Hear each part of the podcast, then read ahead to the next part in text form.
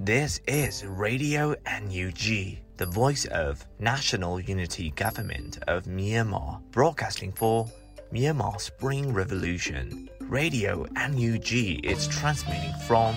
shortwave 16 meter 17.79 megahertz at 8:30 a.m. and 25 meter 11.94 megahertz at 8:30 p.m. Myanmar Standard Time. မင်္ဂလာပါခင်ဗျာ အမျိုးသားညီညွတ်ရေးအစိုးရရဲ့အတန်လွင့်ဌာန Radio NUG ကိုမနက်ပိုင်း၈နာရီခွဲမှာလိုင်းတို16မီတာစက္ကန့်တက်သမ9 MHz ညပိုင်း၈နာရီခွဲမှာလိုင်းတို25မီတာ17တက်သမ6 MHz တို့မှာဓာတ်ရိုက်ဖမ်းယူနိုင်နိုင်ပါပြီမင်္ဂလာအပေါင်းနဲ့ပြည့်စုံကြပါစေအခုချိန်ကစပြီး Radio NUG အစီအစဉ်တွေကိုဓာတ်ရိုက်အတန်လွှင့်ပေးနေပါပြီ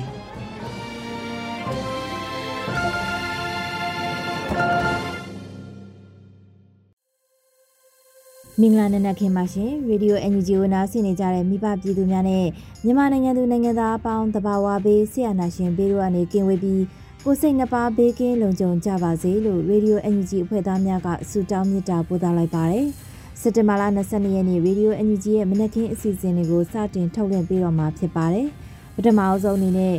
နောက်ဆုံးရပြည်တွင်းသတင်းများကိုတော့ Sortes လူနေမှာဖတ်ကြားတင်ပြပေးတော့မှာဖြစ်ပါတယ်ရှင်။ မင်္ဂလာပါခင်ဗျာခုချိန်ရစပြီး2023ခုနှစ်စက်တင်ဘာလ22ရက်နေ့မနက်ခင်းပြည်တွင်သတင်းများကိုစတင်တင်ပြပေးပါတော့မယ်ပထမအဆုံးအနေနဲ့အကြမ်းဖက်စစ်ကောင်စီကိုတော်လှန်နေကြတဲ့တော်လှန်ရေးအင်အားစုများအနေနဲ့ကိုယ်တိုင်မနှစ်သက်တဲ့အလုပ်အားပြန်မလုပ်မိကြစေရန်အထူးအရေးကြီးကြောင်းပြည်ထောင်စုဝန်ကြီးချုပ်ဆိုလိုက်တဲ့သတင်းကိုတင်ပြပေးသွားပါမယ်။ စက်တင်ဘာလ22ရက်ဂျာကာလာဒေသန္တရပြည်သူ့အုပ်ချုပ်ရေးဖော်ဆောင်မှုဗဟိုကော်မတီအစည်းအဝေးအမှတ်စဉ်38မြင်းဆောင်2023ကျင်းပရာမှာဝင်းကြီးချုပ်ကအခုလိုဆိုထားပါတယ်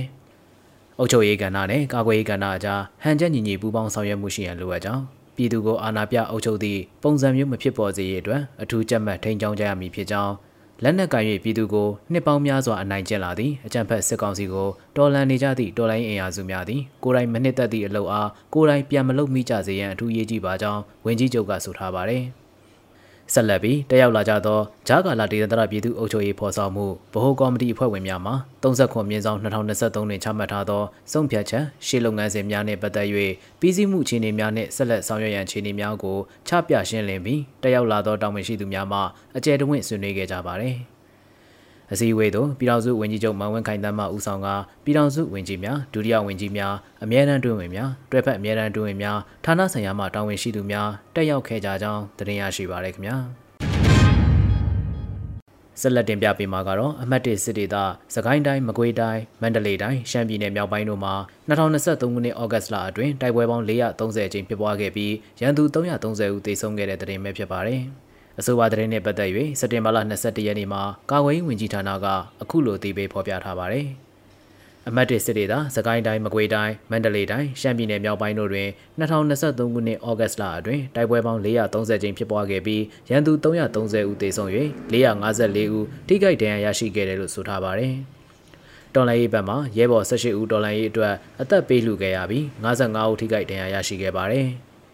ရန်သူထံမှလက်နက်မျိုးစုံ၈လက်ဒရုန်း၄စီးအပါအဝင်ခဲယမ်းမိကြောင်အမြောက်များတင်ဆက်ရမိခဲ့ပါတယ်။အဆိုပါတိုက်ပွဲများကိုအမတ်၁စစ်ဒေသကိုကဲမှုအောက်ရှိ PDF ပကဖာနှင့် EAO ပူးပေါင်းအဖွဲ့များမှဆင်နွှဲခဲ့ခြင်းဖြစ်ကြောင်းကာကွယ်ရေးဝန်ကြီးဌာနကသတင်းထုတ်ပြန်ခဲ့ကြောင်းသတင်းရရှိပါရခင်ဗျာ။မြန်မာပြည်သူများဟာစစ်အာဏာရှင်ရဲ့ဖိနှိပ်မှုတံကိုခံကြရပြီးငြိမ်းချမ်းရေးအတွက်ကုန်ကြစည်ကြီးကြီးမားမားပိတ်ဆက်နေရတယ်လို့ဆိုထားတဲ့သတင်းကိုဆက်လက်တင်ပြပေးသွားပါဦးမယ်။အဆိုပါသတင်းကို အပြည်ပြည်ဆိုင်ရာပူးပေါင်းဆောင်ရွက်ရေးဝန်ကြီးဒေါက်တာဆာဆာကအပြည်ပြည်ဆိုင်ရာငြိမ်းချမ်းရေးနှင့်တဝန်လှမှာအခုလိုဆိုထားပါတယ်။မြန်မာပြည်သူတွေဟာငြိမ်းချမ်းရေးအတွက်ကုန်ကျစရိတ်ကြီးကြီးမားမားပေးဆက်ခဲ့ရတာကြပါပြီ။ကျွန်တော်တို့သည်ရက်ဆက်ကြမ်းကြုတ်သောစစ်အာဏာရှင်ဖိနှိပ်မှုတံကိုခံနေကြရပြီးတရားမျှတမှုနှင့် Federal Democracy ရရှိရေးကြိုးပမ်းရာတွင်အသက်နှင့်အသက်မွေးဝမ်းကြောင်းများစတေးခဲ့ကြပါတယ်လို့ဆိုထားပါတယ်။ ဒါအပြင်မြန်မာနိုင်ငံရဲ့ပဏိပခများရဲ့နောက်ဆက်တွဲကြိုးစားများမှာအိန္ဒိချင်းနိုင်ငံများမှာမရေမတွက်နိုင်သောဒုက္ခတွေများဘေးကင်းရန်ကြိုးပမ်းမှုမူရစေဝါနှင့်နိုင်ငံတကာနယ်စပ်ဖြတ်ကျော်လူကုန်ကူးမှုကဲ့သို့သောနိုင်ငံတကာရာဇဝတ်မှုများဖြင့်ဒေသတွင်းအနှံ့အပြားပြန့်နှံ့နေတယ်လို့ဆိုထားပါတယ်။မြန်မာနိုင်ငံငြိမ်းချမ်းရေးထူထောင်ခြင်းသည်အရှိတောင်အာရှတခွင်တည်ငြိမ်ငြိမ်းချမ်းရေးနဲ့တရားဝါပြောရေးကိုဖော်ဆောင်ပေးပြီးလှိုင်လုံးကြီးအကျိုးတရားမှုရှိလာမှလည်းဖြစ်တယ်လို့ဝန်ကြီးကဆိုထားကြောင်းသတင်းရရှိပါရခင်ဗျာ။စ ဆက်လက်တင်ပြပေးမှာကတော့2023ခုနှစ်ဇူလိုင်လမှာຫນွေဦးတီ project မှရရှိငွေ49သိန်း5000ကျပ်အားကျန်းမာရေး CDM ဝန်ထမ်း69ယောက်ကိုထောက်ပံ့ကူညီနိုင်ခဲ့တဲ့သတင်းပဲဖြစ်ပါတယ်။အဆိုပါသတင်းကိုစက်တင်ဘာလ22ရက်နေ့မှာ CDM Medical Network ကအခုလိုသိပေးဆိုထားပါတယ်။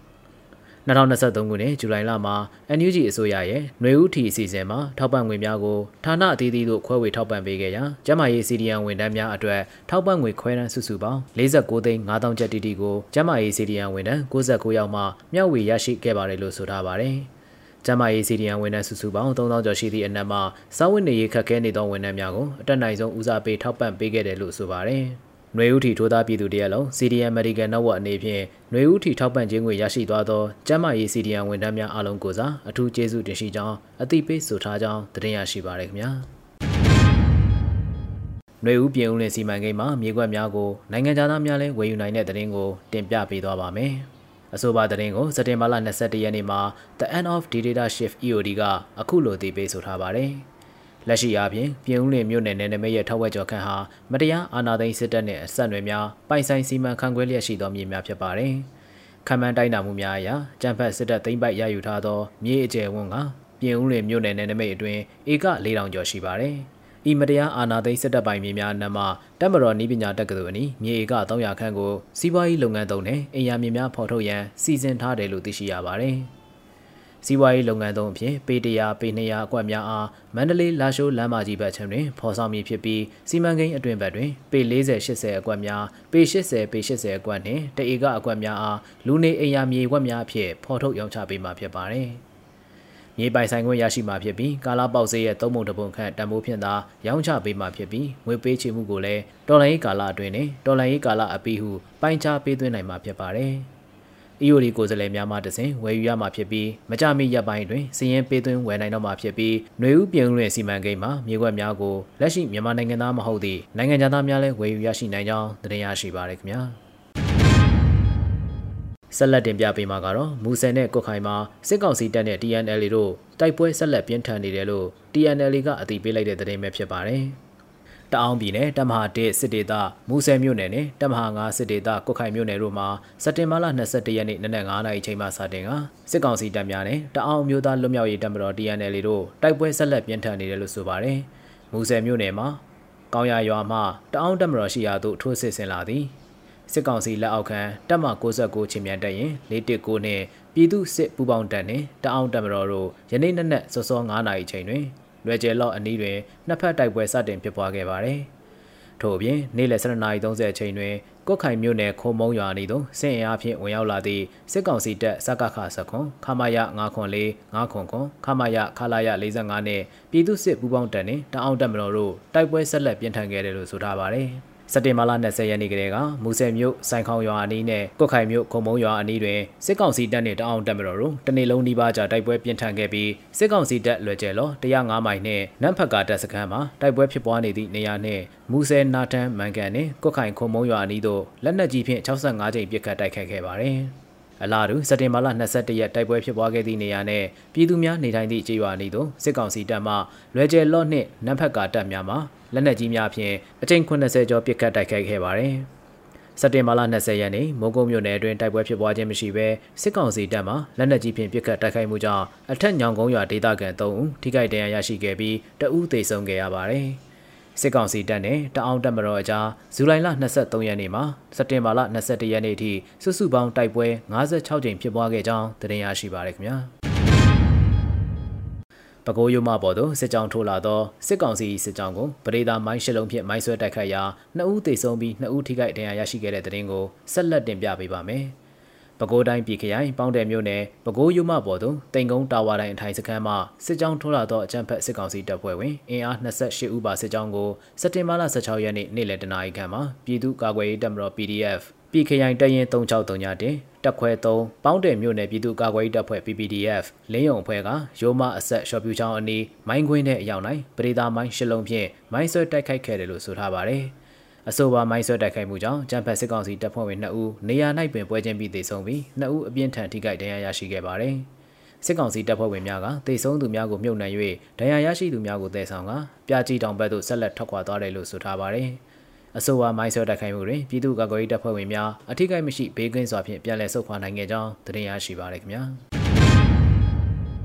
ကံကောမြို့နယ်ကမ်းသက်ရွာအနီးထိုင်ချတက်ဆွဲနေတဲ့စစ်ကောင်စီနဲ့ပြူစောတိစခန်းကုန်းအားကာကွယ်ရေးတပ်များကတိုက်ခိုက်သိမ်းပိုက်၍လက်နက်ခဲယမ်းများသိမ်းဆည်းရရှိခဲ့တဲ့တဲ့ရင်ကိုဆက်လက်တင်ပြပေးပါမယ်။မကွေးတိုင်းကံကောမြို့နယ်ကမ်းသက်ရွာအနီးထိုင်ချတက်ဆွဲနေသောစစ်ကောင်စီနဲ့ပြူစောတိစခန်းကုန်းအားကာကွယ်ရေးတပ်များတိုက်ခိုက်သိမ်းပိုက်ပြီးလက်နက်ခဲယမ်းများသိမ်းဆည်းရရှိခဲ့တယ်လို့စက်တင်ဘာလ22ရက်နေ့မှာ Your National Revolution Force ထီလင်းကအတိပြုဆိုထားပါတယ်။ စက်တင်ဘာ18ရက်နေ့မနက်၄နာရီခွဲခန့်အချိန်ခန့်တွင်မကွေးတိုင်းဂံကောခရိုင်ဂံကောမြို့နယ်ကန့်သက်ရွာအနီးထိုင်ချတက်ဆွဲနေသောစစ်ကောင်စီနှင့်ပြူစောတိစကန်ကုန်းအားဂံကောခရိုင်အမှတ်ခွန်18 19တရင်များ CDF မင်းတပ်တရင်နှင့်ပုံတောင်ကလုံနှင့်ပုံညာမုံတိုင်းပကဖာတို့မှပူးပေါင်းတိုက်ခိုက်ခဲ့ပါတယ်လို့ဆိုထားပါတယ်။တိုက်ပွဲကြာမြင့်ချိန်20မိနစ်ခန့်ရှိပြီးပြူ2ဦးတန်ရာရရှိကစစ်ကောင်စီတပ်သားနဲ့ပြူ3ဦးအင်အားရှော့ချနိုင်ခဲ့တယ်လို့ဆိုထားပါတယ်။ ကြန့်ရှိစစ်ကောင်စီတပ်ဖွဲ့ဝင်များစခန်းအားဆွန့်ခွာထွက်ပြေးသွားခဲ့ပြီးရင်းတိုက်ပွဲမှာကာပိုင်9လက်ဂရီနာ6လက်ကာပိုင်ကြီးပေါက်18ပေါက် MAG ပေါက်9ပေါက်ကာပိုင်ကြီး900တောင်ဂရီနာကြီး200တောင် MAG 150တောင်အီနာကဘုံသီး9လုံးသိမ်းဆဲရရှိခဲ့ကြောင်းသတင်းရရှိပါရခင်ဗျာမြောင်နယ်တာတွန်းကျေးရွာကိုညအိတ်တက်ဆွဲခဲ့သောစစ်ကောင်စီတပ်သားများဟာတာတွန်းရွာအနောက်ဘက်သို့ကင်းမုံထွက်လာရာလမ်းမိုင်းတနေရာတွင်မိုင်းထိတဲ့တဲ့ရင်ကိုဆက်လက်တင်ပြပေးသွားပါဦးမယ်။ အဆိုပါစစ်ရေးသတင်းကိုစက်တင်ဘာလ22ရက်နေ့မှာဒေါင်းစစ်တီမြောင်ပျောက်ကြားတပ်ဖွဲ့ကအခုလိုတည်ပြီးဆိုထားပါတယ်။စက်တင်ဘာလ20ရက်ညပိုင်းမြောင်နယ်တာတွန်းကျေးရွာကိုညအိတ်တက်ဆွဲခဲ့သည့်စစ်ကောင်စီတပ်များမှယနေ့နက်နက်တာတွန်းရွာအနောက်ဘက်သို့ကင်းပုံးထွက်လာစဉ်ဒေါင်းစစ်တီများကကြိုတင်ပြင်ဆင်ပြီးပရိသာမိုင်းသုံးလုံးတွဲမိုင်းခွင်းထဲရောက်လာ၍ထိမိစွာမိုင်းဆွဲခဲ့ပါတယ်လို့ဆိုထားပါတယ်။စစ်ကောင်စီတပ်များကပြန်လည်ပစ်ခတ်ခဲ့ပြီးစစ်ကောင်စီတပ်သားများထိခိုက်ဒေဆုံးမှုအားအတည်ပြုနေဆဲဖြစ်ပါတယ်။ မိုင်းဆွဲနေချိန်တွင်ဝိုင်းဝန်းခဲ့သောမဟာမိတ်အဖွဲ့များမှမြောင်မြို့နယ်ပြည်သူ့ကာကွယ်ရေးနှင့်လုံခြုံရေးအဖွဲ့ CDS ဆိုကစင်ရိုင်းစစ်ကြောင်းမြောင်စကိုင်းခရိုင်တရင်နှစ်နှင့်6မှတက်ခွဲ3မြောင်ပြည်သူ့တပ်မတော် MUA အစရှိတဲ့မဟာမိတ်များပါဝင်ကြောင်းသတင်းရရှိပါရခင်ဗျာအခုတင်ပြခဲ့တဲ့သတင်းတွေကိုတော့ Radio NUG သတင်းတော့မင်းတီဟန်ကပေးပို့ထားတာပဲဖြစ်ပါတယ်ကျွန်တော်စောတဲလူနေပါ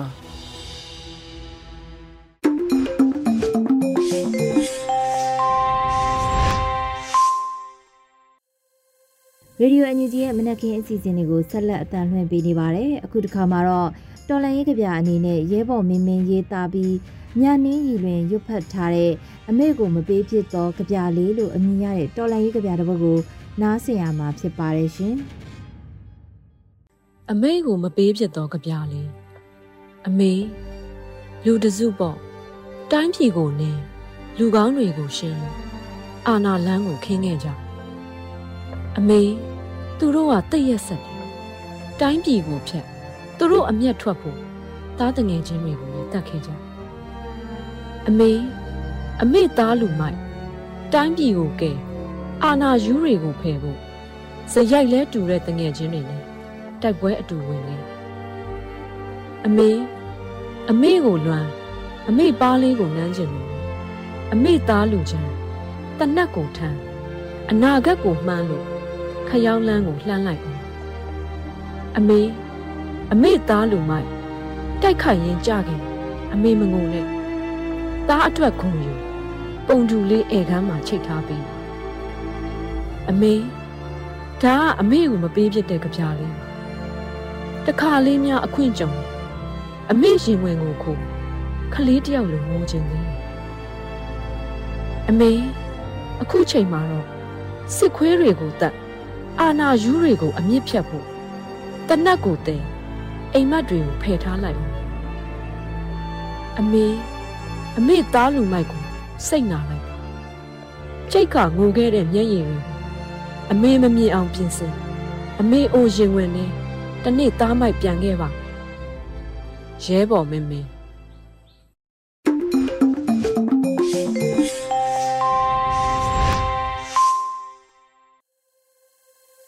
ရေဒီယိုအန်ဂျီမှဆက်လက်အသံလွှင့်ပေးနေပါတယ်။အခုတစ်ခါမှာတော့ကဘာတိုင်းဆုံးမောင်စင်မုံရေးသားပြီးလွတ်လပ်နေဦးခန်းစားရွတ်ဖတ်ထားတဲ့အကြမ်းမြင်ပိတ်တက်ရိတ်စွန့်ခွာမင်္ဂလာလို့အမည်ရတဲ့တော်လန်အဆေးတစ်ပုဒ်ကိုနားဆင်ရမှာဖြစ်ပါတယ်ရှင်။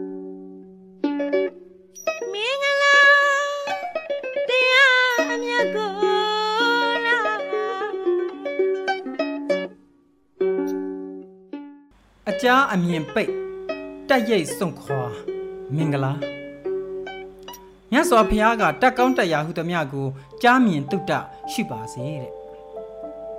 အကြားမြင်များမှာမင်္ဂလာဖြစ်မှာမဟုတ်လို့ကတော့ဘယ်ဟာမှန်ဘယ်ဟာမှားဘယ်ဟာကောင်းဘယ်ဟာဆိုးဘယ်ဟာလူကောက်ဘယ်ဟာလူဖြောက်ဘယ်လိုလူမဲထည့်ရမယ်မထည့်ရဘူးဘယ်လိုသိမလဲအထွေထွေဘဟုတုတမကျဲလို့ကတော့ ဘာလကိုဖျားလောင်ထင်းအမင်္ဂလာမှန်သမျှဝင်ဖို့သာမှတ်တော့အကြမ်းမြင်ပိတ်တဲ့နေရာဟာနေရမယ့်နေရာမဟုတ်ပฏิရူပဒေသမဖြစ်တတ်ဆိုတာဘာမှမသိအောင်လှုပ်ထားတဲ့နေရာမှုထွက်တာလာခဲ့မဟုတ်ရင်မင်္ဂလာမဲ့တယ်ဆက်ဟောတာကအိုးအိမ်တီထောင်ဝန်းစာရေးနဲ့အသက်မွေးဖို့အတတ်တင်လေးတဲ့ အသက်မွေးဝန်းကြောင်းလုပ်ရင်အမျိုးမျိုးရှိတဲ့ကြားကစစ်သားဘဝကိုရွေးလိုက်ကြတယ်စစ်တိုက်တဲ့အလုပ်လေလူတက်တက်တက်ပြီးအသက်မွေးရတယ်လို့မဖြစ်ဖို့က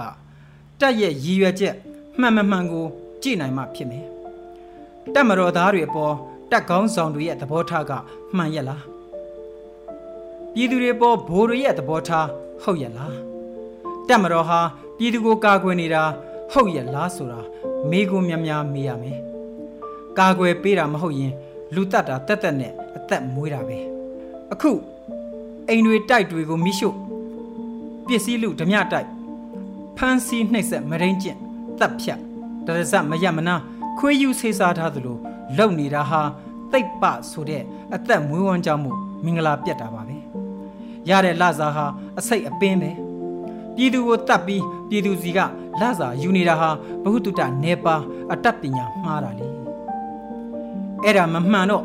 လူနဲ့ဆိုင်ရာကျင့်ဝတ်များကိုကောင်းစွာသင်ကြားနားလည်စေဆိုတဲ့လူကြက်တရေလူရင်ကျေးမှုမင်္ဂလာကအလိုလိုပြက်ရောတတ်แท้မှာရောဘာဘဟုတုတမှမရှိအောင်လှုပ်ထားအသက်မွေးဝမ်းကြောင်းစောင်းအောင်လှုပ်ထားတော့ဘာကျင့်ဝတ်မှမသိမကျင့်တာဝန်ဆိုပြီးထမ်းနေသမျှကမဟုတ်တာသာလှုပ်တယ်လို့ဖြစ် ဆောင်ရမှာမသိတော့လှုပ်တင်တာမလှုပ်ပြည်သူဘက်မရရှောင်ရမှာမသိတော့မလှုပ်တင်တာလှုပ်ပြည်သူသက်တတ်သေးကြလေးမွေးရပါလူရေသွေးကောင်းတွေတကြည်ကြီးပျက်စီးတိုင်းပြည်ကြီးမိဟုံဟုံတောက်အောင်လှုပ်လေဖြစ်ခုဆိုကိုမိသားစုပါအိုးပြောက်အိမ်ပြောက်အသက်ပြောက်ကိန်းဆိုင်လာအဲ့ဒီလိုအခြေအနေမှာသူ့ဘာတိတဝါစာဆိုတဲ့မှန်ကန်ရင်ကြည်ချိုတာအေးဆိုရည်တမင်္ဂလာပါအလိုလိုပြက်ပါရော လိန်ပြီးရင်လိန်ညာပြီးရင်ညာဇော်မဲလုံးသာကြည့်လူရုပ်ပြောက်ကပောက်တိကပောက်ချာဗရန်ပတာပြောတာမှာတော့ဗတ္တကဘာမှာမအလာကိုမှီဖို့မလွယ်ပါအလွန်အကုသိုလ်ကြီးမားတဲ့အမင်္ဂလာကောင်းဖြစ်နေရာကိုစွန့်ခွာခဲ့ကြလော့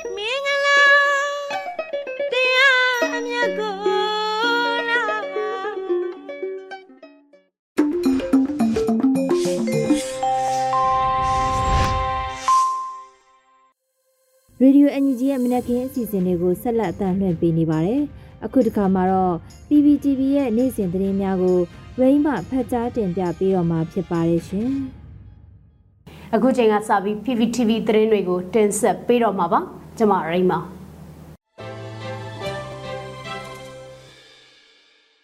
ပထမဆုံးအနေနဲ့တင်ဆက်ပေးမှာကတော့ຫນွေဦးတော်လိုင်းရေးဂါလအတွင်းကြာဆုံးခဲ့ရသူပေါင်း 4096ဦးအထိရှိနေခဲ့ပြီလို့ APP ထုတ်ပြန်လိုက်တဲ့သတင်းမှာအကြံပတ်စစ်တပ်ကအာဏာသိမ်းပြီးတဲ့နောက်အယက်သားပြည်သူတွေကိုတပ်ဖြတ်လျက်ရှိရမှာစက်တင်ဘာ20ရက်အထိစည်ရင်းတွေအရကြာဆုံးခဲ့ရသူ4096ဦးအထိရှိပြီဖြစ်တယ်လို့နိုင်ငံရေးအကျဉ်းသားများကုညီဆောင်ရှောက်ရေးအသင်း AAPP ကထုတ်ပြန်လိုက်ပါတယ်။နိုင်ငံရေးအကျဉ်းသားများကုညီဆောင်ရှောက်ရေးအသင်း AAPP ရဲ့မှတ်တမ်းပြုချက်တွေအရ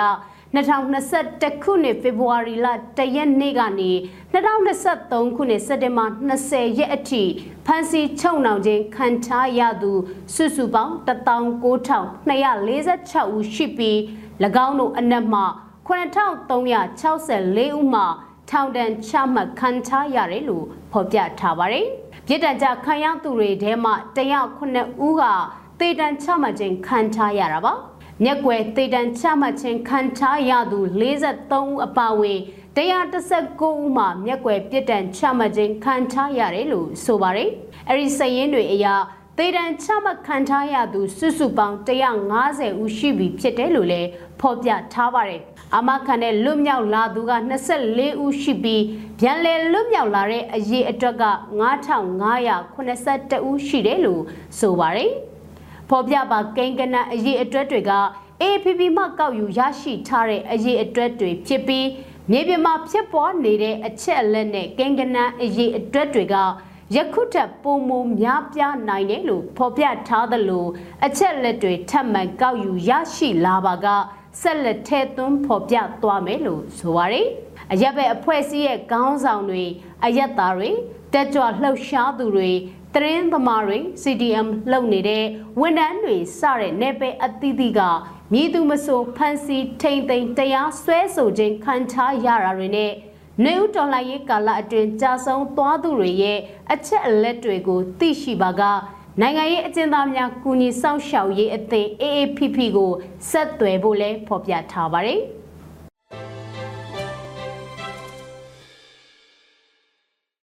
ဆက်လက်တင်ဆက်ပေးမှာက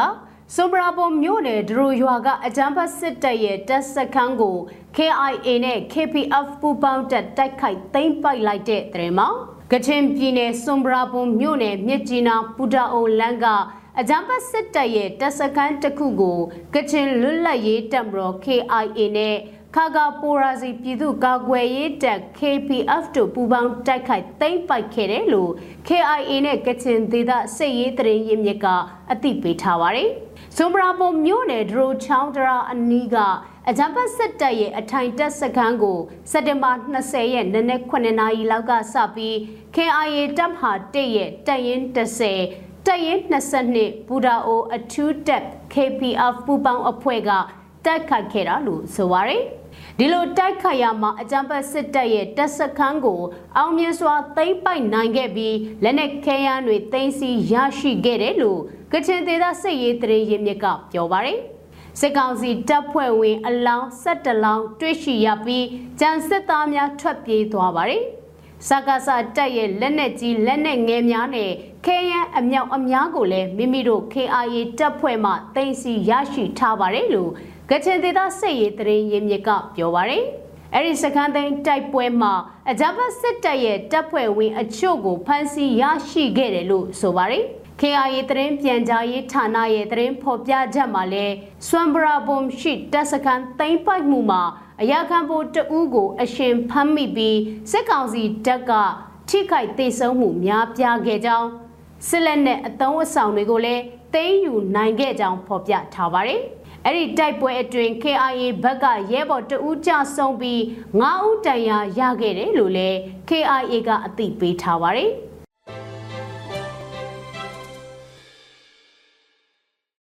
ဆက်လက်တင်ဆက်မှာကဗလဲမှာအကြံဖက်စစ်တပ်ကလေချောင်းကနေလက်နဲ့ခဲရနဲ့ရိတ်ခါတွေဖြည့်တင်နေတဲ့အတွက်ပြည်သူတွေသတိထားနေထိုင်ကြဖို့ဗလဲမြို့နယ်ပအဖတတိပေးလိုက်တဲ့တဲ့မှာ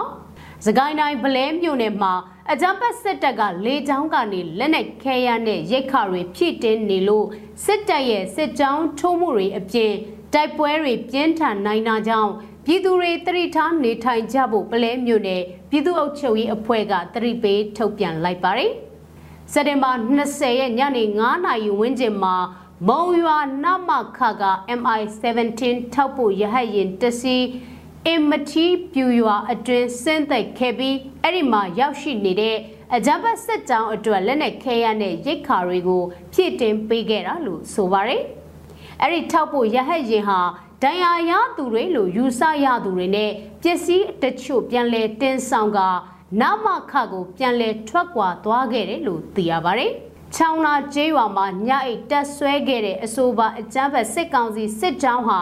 စက်တဘာ20ရက်မနက်ကနေစတင်ပြီးအင်မတီပြူစခန်းရှိရာကို ပြန်လဲသွားရောက်ခဲ့တာပါ။အကြမ်းဖက်စစ်တမ်းသွားရလမ်းတလျှောက်မှာလဲလက်နက်ကြီးလက်နက်ငယ်တွေပစ်ခတ်ခဲ့တာကြောင့်အနီးဝန်းကျင်ကျေးရွာကပြည်သူအများအပြားထွက်ပြေးတင်းရှောင်ခဲ့ကြရတာပါဗလဲမျိုးနယ်အတွင်းကပြည်သူတွေအနေနဲ့အကြမ်းဖက်စစ်ကောင်စီစစ်ကြောင်းဟာပြန်လည်ထွက်ခွာခြင်းမရှိနိုင်သေးဘူးလို့စစ်ကြောင်းတွေထိုးတာ တိုက်ပွဲတွေပြင်းထန်လာနိုင်တာတွေဖြစ်ပေါ်လာနိုင်တဲ့အတွက်အဆဆအရာရာသတိထားနေထိုင်သွားလာကြဖို့ရန်ဗလဲမြို့နယ်ပြည်သူ့အုပ်ချုပ်ရေးအဖွဲ့ကအသိပေးတိုက်တွန်းထားပါတယ်။